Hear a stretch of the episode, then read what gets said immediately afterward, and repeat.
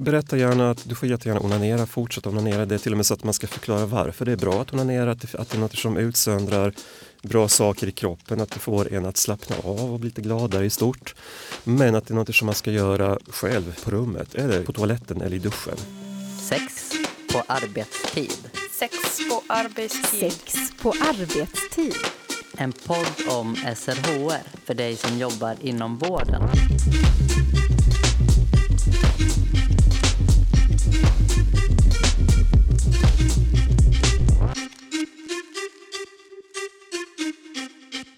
Vad är mens? Hur träffar man en partner? Måste jag berätta att jag har sex med min tjej? Hur gör man när man pussas? De flesta har frågor och funderingar om kropp, kärlek, sex och relationer. Men alla har inte någon att prata med. Och ibland är informationen man får inte tillräckligt begriplig. Dagens avsnitt handlar om sexualitet och normbrytande intellektuell funktion. Vi tar reda på vad man som vårdpersonal behöver veta och hur man egentligen gör för att bli mer begriplig. Med oss i studion har vi Jack Luckers som är socionom och sexolog. Han har också forskat om hur personal inom särskola och habilitering ser på sex och samlevnadsundervisning. Hej Jack, vad kul att ha dig här. Ja, men hej, stort tack för inbjudan. Idag så ska vi prata om normbrytande intellektuell funktion. Det finns ju många begrepp som cirkulerar där ute. Men du använder normbrytande intellektuell funktion. Ja, precis. Eh, för det som är viktigt här är att visa på att eh, alla har vi ju en kropp och kroppen i sig är det liksom inget fel på.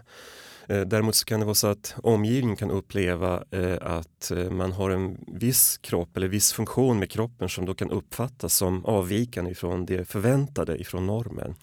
Och därför tänker jag att, eh, att det här med att man lägger till begreppet normbrytande är väldigt viktigt. Men det finns andra begrepp som används och vi kanske ska reda ut bara lite vilka det är och varför de kanske inte är så lämpliga att använda. Precis, alltså det, man, det, man, eh, det finns olika ingångar till det här. Dels så har vi ju då någon slags medicinsk terminologi och olika diagnosmanualer som tittar på det här eh, med normbrytande funktion och eh, där kan man till exempel använda begreppet utvecklingsstörning Eh, men det är ett strikt medicinskt begrepp skulle jag vilja hävda då. Eh, så det tycker jag inte att man kan använda i allmänhet. Eh, våra myndigheter brukar rekommendera begreppet intellektuell funktionsnedsättning och det är i och för sig ett ganska bra begrepp fortfarande tycker jag.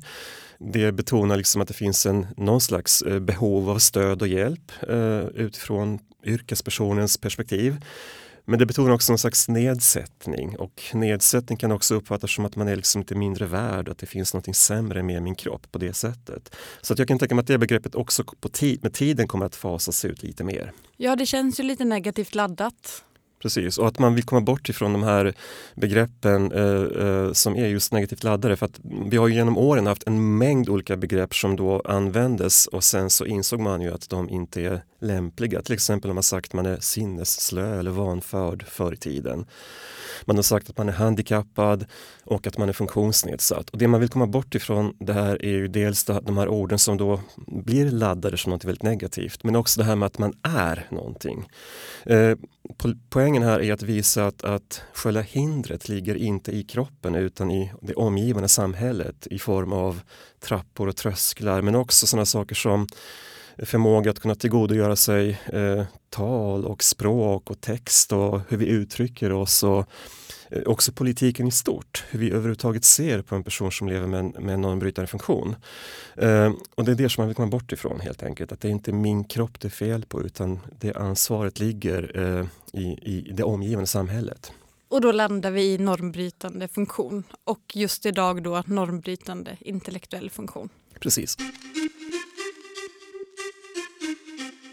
Du Jack är ju både socionom och sexolog och kan ju jobba med en massa olika saker.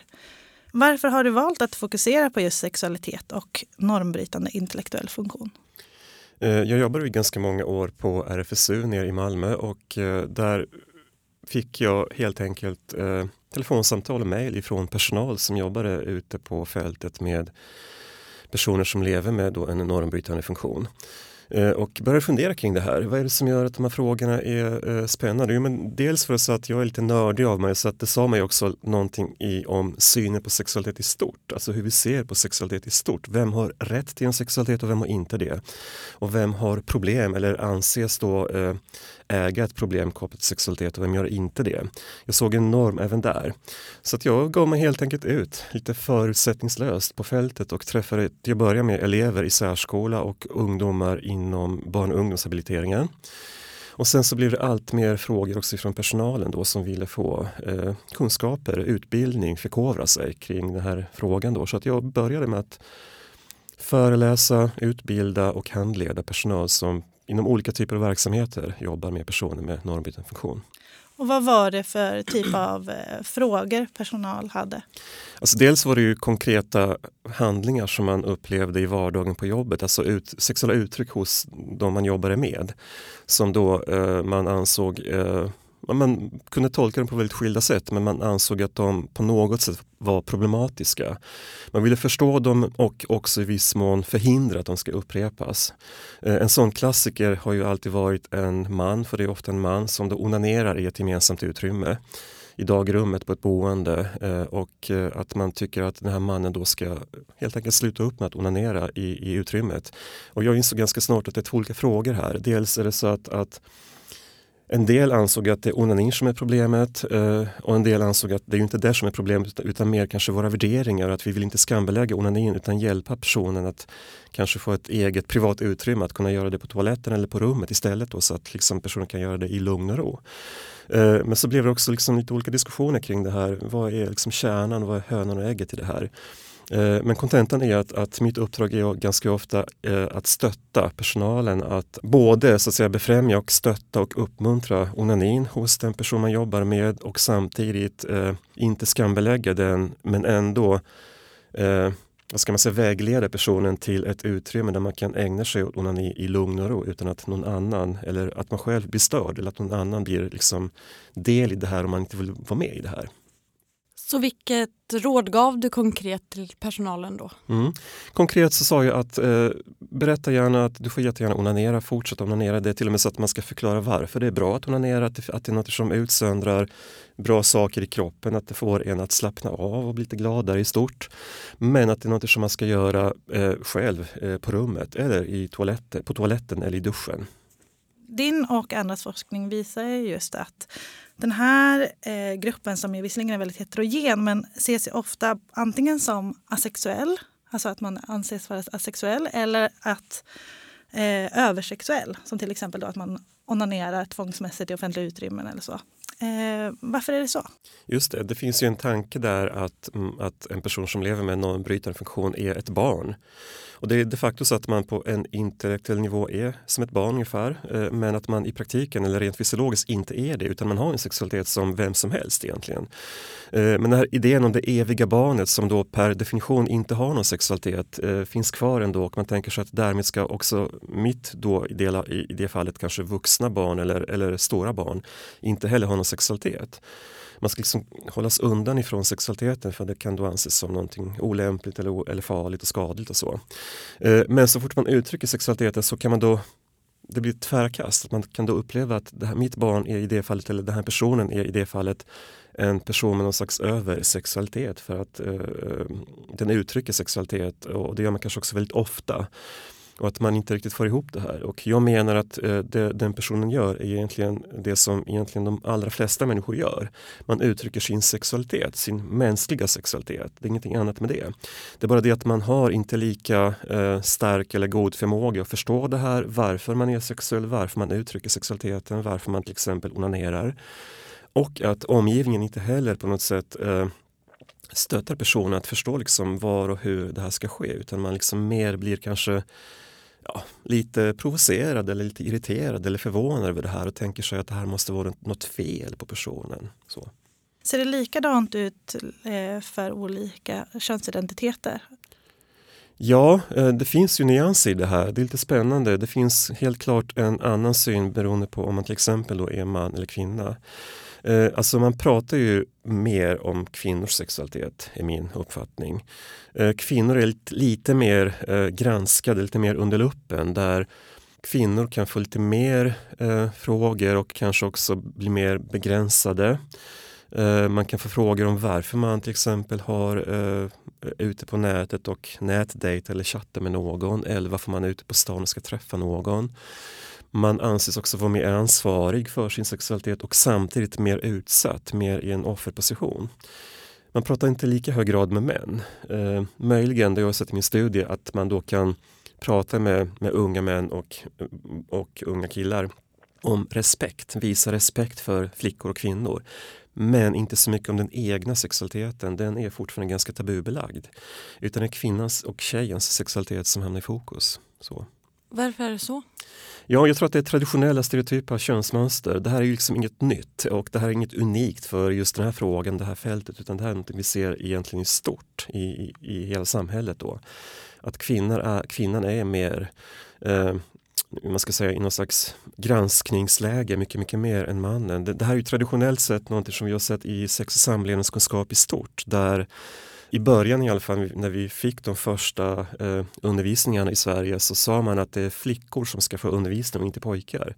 För att flickor, det är ju de som förvisso har ingen sexualitet, inget intresse av sexualitet men de får leva med konsekvenser av pojkars obändiga djuriska drift. Och pojkar skulle man däremot inte prata med för att eh, man har sagt att pojkars drift är som sagt obändig och driftstyrd. Och man ska inte uppmuntra den. Eh, det är som att väcka en sovande björn. Så man ska hålla tyst med pojkar och prata jättemycket med flickor så att de slipper då få gonorré eller bli gravida och så vidare.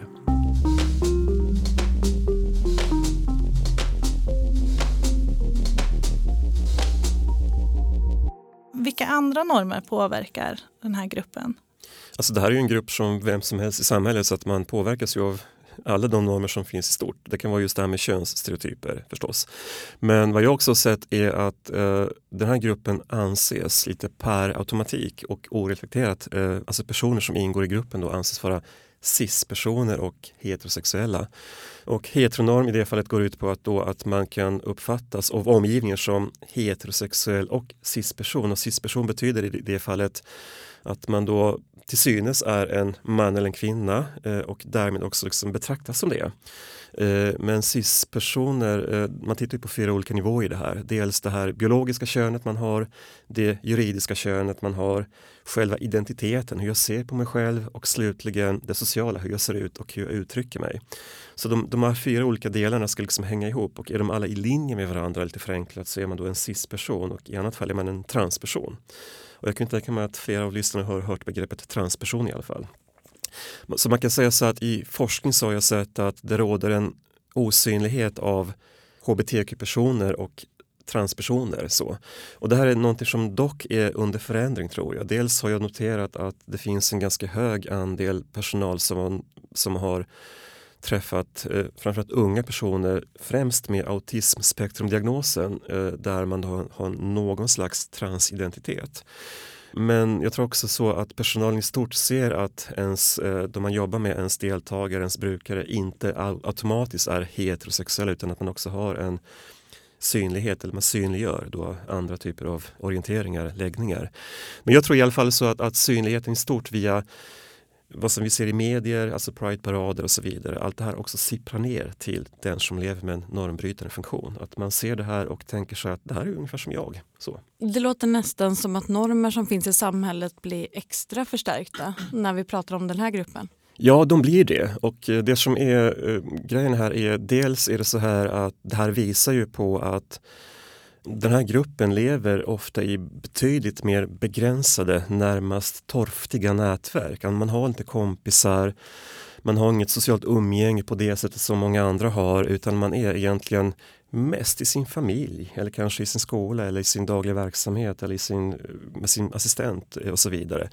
Det är väldigt få personer som man har en relation till på något sätt så att man har inte lika många möjligheter att liksom bolla och dryfta och prata om, om allt det här med sexrelationer med. Plus att man har en begränsad förmåga att ta till sig kunskaper. Barn och, ungdom, och ungdomar i stort kanske då kan läsa på, på nätet, läsa en bok, se en film. Men det kan man ju inte om man har en normbrytande funktion på samma sätt. Och dessutom visar det också på att det finns en brist i kompetens, i kunskaper hos yrkesverksamma i att bemöta frågan på ett eh, vad ska man säga, så objektivt sätt som möjligt och där man då utgår ifrån det som är till gagn för det man jobbar gentemot, där ens egna personliga värderingar lite grann får stå tillbaka och att jag mer ska titta på den personens liksom, horisont. Får det här några konsekvenser i praktiken för de här personerna? Ja, alltså det finns jättemycket man kan säga om det men den stora konsekvensen är att man förstår inte sig själv. Eh, jag kan ju berätta att ett av mina första möten med en särskoleklass, eh, jag träffade en ung kille då en, en, eh, och det var på högstadiet och han berättade för mig att han var jätte, jätterädd att han har förstört kroppen. För det han gjorde var att han onanerade, han sa inte det rakt ut på det sättet utan han sa så här att jag har pillat på mig själv. Och jag tycker om att pilla på mig själv och jag gör det hela tiden och de har ju sagt att det är fel och att det ska man inte göra. Och vet du vad som hände? Och sen så kom det någonting vitt ur snoppen och jag måste ha tagit sönder någonting. Han var jätteorolig för det här. Och vad jag fick göra då är att jag fick helt enkelt förklara för honom hur kroppen funkar och att det, det som hände var någonting som var helt precis, precis som det ska vara. Det är inget konstigt överhuvudtaget. Tvärtom, din kropp är helt rätt. Allting funkar. Du är helt frisk. Eh, och det här fick jag jobba med ganska mycket för att det var lite svårt för honom att förstå vem har rätt och vem har fel i det här. De har ju sagt att jag ska inte göra det här och du säger att det är, att det är helt okej okay och sånt där. Eh, så, eh, så att det här visar ju på att den här okunskapen och uh, bristen av att känna till hur ens kropp funkar kan göra att man blir onödigt orolig och rädd helt enkelt. Det är klart, helt klart en hälsofråga tänker jag. Men vilket stöd finns idag då från habilitering, särskola, från vården? Alltså särskolan har ju givetvis samma eh, åtagande som all skola eh, enligt läroplan och skollagen att man ska bedriva sex och samlevnad. Så där sker ju saker. Och särskolan är ju väldigt medveten om frågorna och jobbar ganska bra med de här frågorna. Eh, det som är utmaningen är kanske verksamheter där man har ett annat uppdrag, där man inte har ett uttalat uppdrag att jobba med sexuell hälsa, till exempel då habiliteringen. Eh, och det finns en generell osäkerhet hos personalen att ta sig an frågan. Man tänker sig att sexualitet, mm, det här är jätteläskigt, det kan vi inte. Det här kräver särskild djup expertkompetens. Och min uppgift är ju ganska mycket i att försöka ta ner det på jorden igen. Nej, det krävs inte så mycket expertkunskaper. Ni behöver inte liksom veta allt utan det handlar mer om att föra ett samtal ungefär som ni gör med vem som helst. Fråga, lyssna och så vidare. Eh, så att det är ju ett första steg och sen så bör man ju givetvis ha någon slags eh, plan för det här inom verksamheterna. Att när frågorna dyker upp, vad gör vi med dem? Att vi har någon, någon tanke om vilken kompetens behöver vi tillsätta? Vem ska Träna in och hjälpa oss med det här? Hur ska vår personal utbildas och så vidare? Det är något som man behöver titta på helt klart. Men när vi, vi har läst att det för sjukvårdens del bland annat leder till att man liksom söker vård i mycket lägre grad i den här gruppen. Eh, vad kan det få för konsekvenser? Ja, alltså konsekvensen blir ju att man då eh, kan utsätta sig för risker som egentligen är, eh, det är väldigt onödigt egentligen. Att man, man behöver veta att man kan få hjälp. Man måste liksom upplysa i allmänhet att man kan vända sig till någon och få lite hjälp och råd lite bredare. Att, att eh, hur kan jag se till att kunna ha en bra sexualitet? Hur kan jag skydda mig? Eh, det kan också vara sådana saker som handlar om att få en kontakt, man kan prata om relationer, om att bygga relationer, att leva i relationer, att, att kanske avsluta relationer. Det kan handla om saker som rör sexuell praktik, alltså vad är sex och hur har man sex överhuvudtaget? Det kan vara sådana saker som att veta att man kan vända sig någonstans ifall man är föremål för eh, övergrepp eller utsatthet eller våld, att man överhuvudtaget vet att det här kan hända. Eh, att, eh, så att det här ligger på så oerhört många nivåer där man måste jobba väldigt mycket med att upplysa om att det finns platser att vända sig till. Och att man också måste prata om det här med att jag själv måste på något sätt veta att jag har min kropp, jag äger min kropp, att man bygger upp någon slags känsla för att man äger kroppen, att man har en integritet, att jag kan faktiskt själv bestämma ifall någon Eh, ska ta på mig eller inte. Man är ju väldigt ofta van att eh, folk tar på en hela tiden för att man behöver hjälp i vardagen med hygien och påklädnad och sånt där. Så att eh, ja, jag, jag ser det som ett enormt stort arbete på flera nivåer helt enkelt. Och vilka platser kan man vända sig till? Uh, ungdomsmottagningen tänker jag är absolut en viktig aktör. Att man i ung ålder kan komma dit och få prata med någon, att få upplysning, att man kan testa sig om man vill det för olika STIer och att man kan få råd eh, eh, runt preventivmedel förstås. Och där tänker jag att man behöver nog jobba rätt aktivt för att det här är som sagt en grupp som är trots allt lite mer isolerad och lite grann har inte liksom samhället lika tillgängligt för sig som många andra.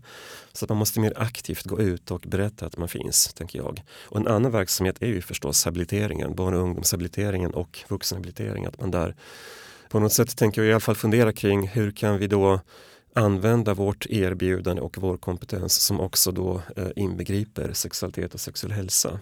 Om man kommer till habiliteringen så kanske man många gånger kommer i sällskap med någon. Och eh, det här är också en grupp som kanske många gånger har andra människor, professionella och familj runt omkring sig. Hur blir det då med gränsen mellan liksom det privata och det offentliga? Alltså för den personen det gäller så tänker jag att man är ju, grunden är att man är i lagens mening en myndig person. Man själv bestämmer hur man ska ha det i livet. Det är något som jag tänker är absolut ett, ett A och O i den här frågan. Och habiliteringen ska utifrån det kunna liksom ta sig frihet om man säger så. Att, att eh, be en anhörig att vänta utanför så att man för ett samtal enskilt med den person det gäller. Eh, och sen så får man ju anpassa kommunikationen men den kompetensen finns ju på habiliteringen redan tänker jag. Eh, det kan vara så att man kanske i andra eh, instanser inte har kompetensen kring det här med kommunikation eller anpassad kommunikation. Tänker jag. Men då får man liksom titta på det och, och, och, se om man kan få stöd i det. Men, men grunden är att man ska kunna, precis som vem som helst, kunna föra ett samtal om sig själv, om det som gäller min kropp och min sexualitet. Utan att andra ska vara delaktiga i det här och få höra det här. Det är väldigt viktigt. Så man ska mycket väl kunna som personal på en habilitering eller en ungdomsmottagning för den delen säga att, att jag tar samtalet eh, med den här personen eh, och du som anhörig får helt enkelt vänta utanför.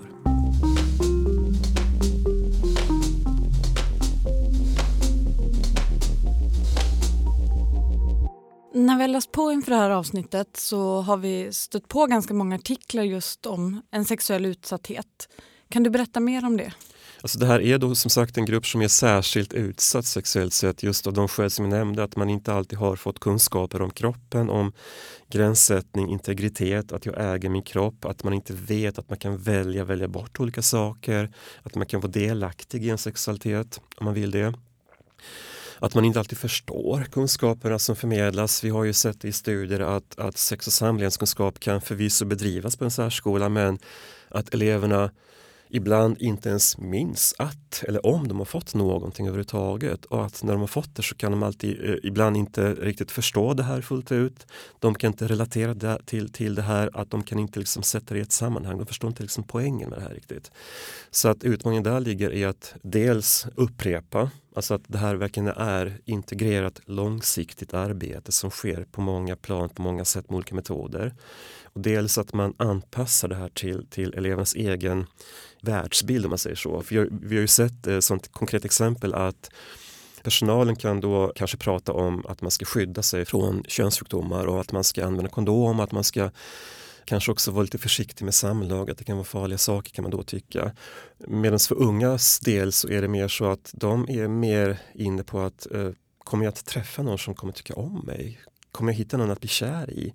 Att ha en relation, jag skulle vilja ha en relation, jag vill gifta mig, men hur gör jag? Är inte jag liksom, vill någon ha mig överhuvudtaget? Eller att jag har hört att folk har sex, eh, vad är det för någonting som folk har?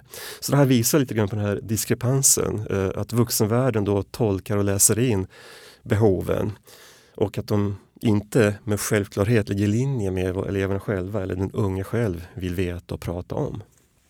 Nu pratar vi mycket om, om, om unga och då finns ju liksom sex och samlevnadsundervisning. Men en del kanske eh, vill ha stöd och hjälp lite senare. Alltså när man är 25, 30 eller ännu äldre. Vad, vad finns det för, för stöd och hjälp då? Eh, ja, det finns ju, habiliteringen är ju förstås instansen att vända sig till. Eh, sen finns det ju olika typer av organisationer som också jobbar med eh, ja, men typ att man, man, man kan få lite råd och stöd kring olika saker. Men de är tyvärr inte de finns liksom inte överallt i hela landet då, utan det är habilitering i första hand som är, tänker jag, den, den viktigaste aktören på det här fältet. Då. Det, det som är frågan är, eh, här är att min uppfattning är, och det är något som jag också sett i min forskning, är att habiliteringen inte riktigt har den kompetens fullt ut att kunna möta just frågor om sexualitet. Att det, man kanske till och med anser i vissa lägen att man inte tycker att man ska, man ska göra det här, att det inte är ens uppgift. Och det är ju de facto så att uppgiften är ju inte definierad på det sättet, tyvärr. Så att man kan då kanske hänvisa vidare eller, eller kanske utelämna frågan helt. Tänker jag. Men habiliteringen skulle kunna vara en väldigt viktig resurs i att kunna erbjuda stödjande samtal eller rådgivande samtal kring sexualitet och relationer eh, anpassat till den person det gäller. Så, en annan fråga som dyker upp ganska ofta är det här med eh, praktiska, alltså tekniska hjälpmedel.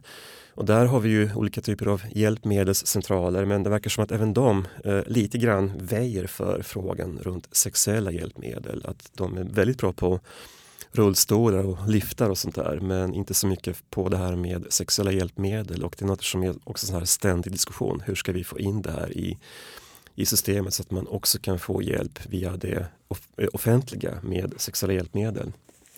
Vad, vad, vad har man rätt till för hjälp idag då?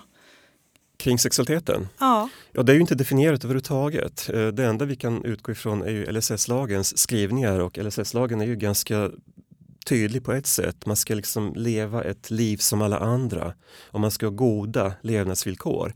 Man ska alltså vara fullt delaktig, man ska ha en integritet, en självständighet och ett inflytande över insatserna. Men grejen är att allt det här som rör sexualitet finns ju inte nämnt med ett enda ord.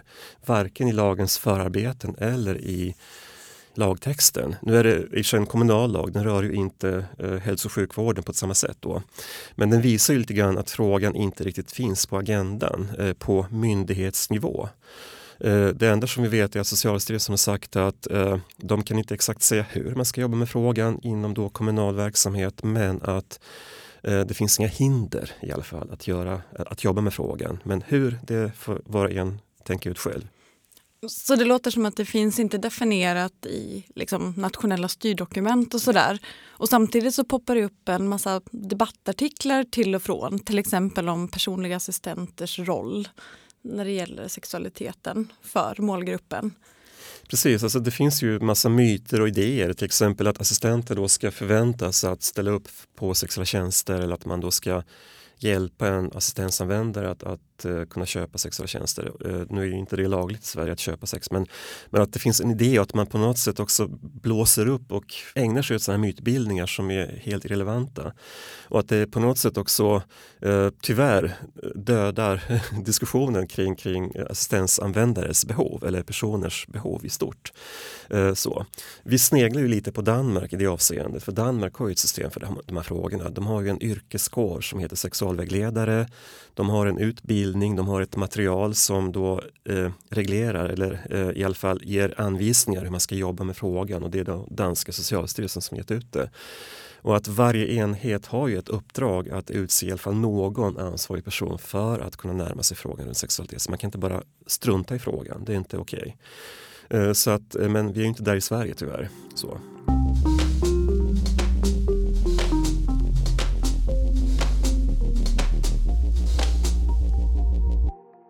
Du har ju utbildat och handlat mycket personal, bland annat inom habiliteringen.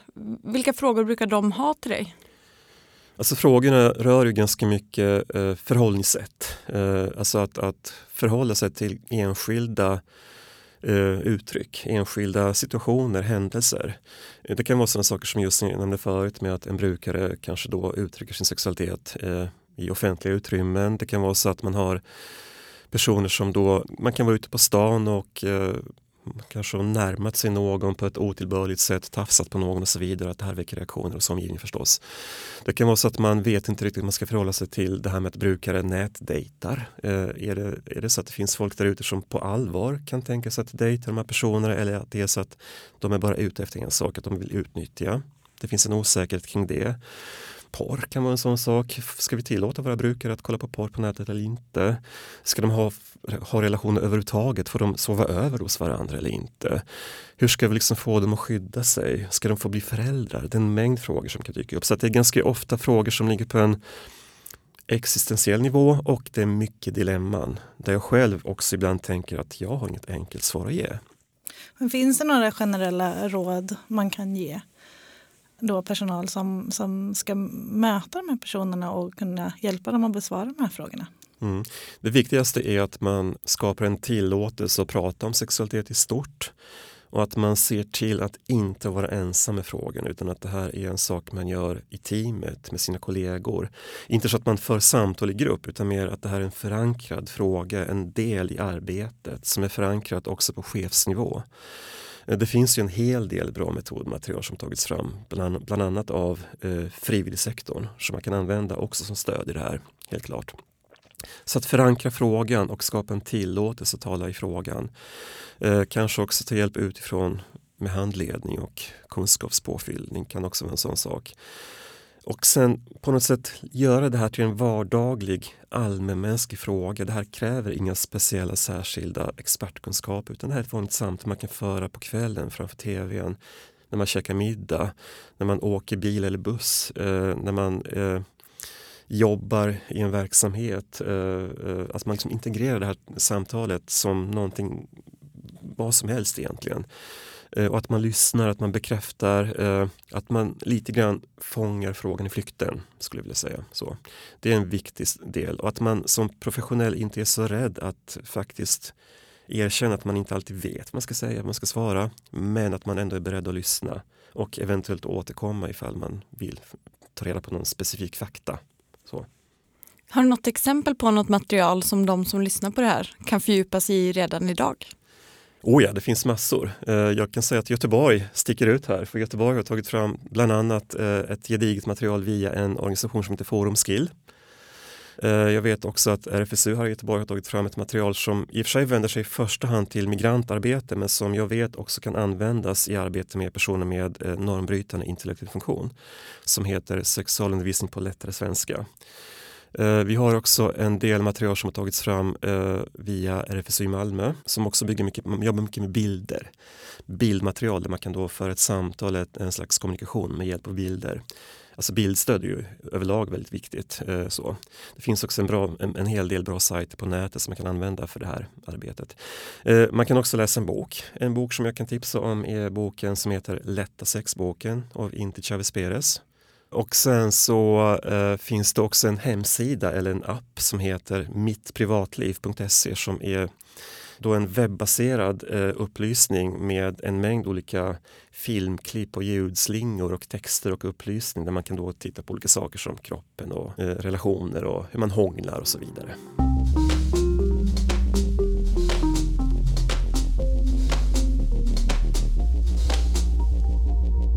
Ja, Jack, vi brukar avsluta det här programmet med tre tips till andra vårdgivare. Har du några tips? Jag tänker det viktigaste är att tillåt samtalet och prata precis när som helst, hur som helst, eh, på ett allmänt sätt som en medmänniska. Lyssna, bekräfta, fråga utan krav på att du ska alltid veta vad du ska säga. Eh, ditt, ditt samtal, din fråga, att du liksom tar upp frågan, tar första steget och eh, bekräftar är oerhört värdefullt och viktigt. Det andra är lyft frågan på jobbet. Ställ krav på dina kollegor och din chef att ni ska få lov att både eh, integrera frågan i arbetet, att det här är en del i arbetsuppgifterna och att ni också begär att få rätt utbildning, rätt fortbildning och rätt stöd i att jobba med frågan. Och det tredje tipset, att man eh, anpassar eh, kommunikationen. Man kan använda en mängd olika metoder i kommunikationen. Man kan prata förstås eh, verbalt och man kan också använda kroppsspråk. Man kan använda teckenspråk som alternativ kommunikation som ett stöd om man kan det. Det är något som man kan lära sig i alla fall. Man kan använda bilder, man kan teckna, man kan rita, man kan rent av använda digital teknik och spela in korta filmer om man vill det om man tycker det är kul. Så man kan så kommunicera på både man ska säga, låg och hög nivå. Eh, lite ytligt och lite fördjupat. Man kan eh, läsa en bok, man kan se en film tillsammans. Eh, man kan gå ut på stan och upptäcka olika saker. Eh, man brukar också prata om sociala berättelser, att man då eh, ungefär som en seriestripp då försöker att skildra ett skeende. Om jag gör det här och det här, vad kommer hända då och vilka vägar har jag att, att gå? Eh, att, så att det blir bra för mig och alla andra. Typ, det här ska jag inte göra, det här ska jag göra. Så att man gör det här begripligt då. Men, men bilder, teckningar, som sagt kanske filmklipp och sånt där kan vara ett bra sätt. Och vi på Sex på arbetstid vill gärna göra reklam för en enhet inom Västra Götalandsregionen som heter DART som bland annat har tagit fram väldigt bra bildstöd som man kan använda sig av. Tack så mycket Jack Luckers för att du kom till oss på Sex på arbetstid. Tack så mycket. Tack.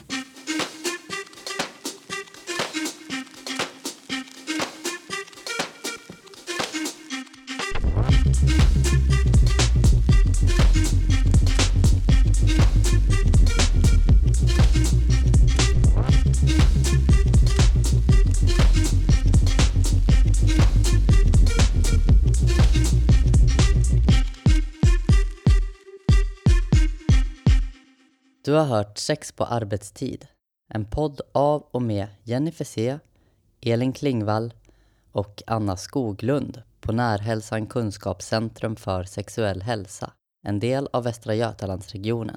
Podden finns på närhälsan.se ksh och srhr.se. Sex på arbetstid produceras av Malin Holgersson på uppdrag av Närhälsan Kunskapscentrum för sexuell hälsa.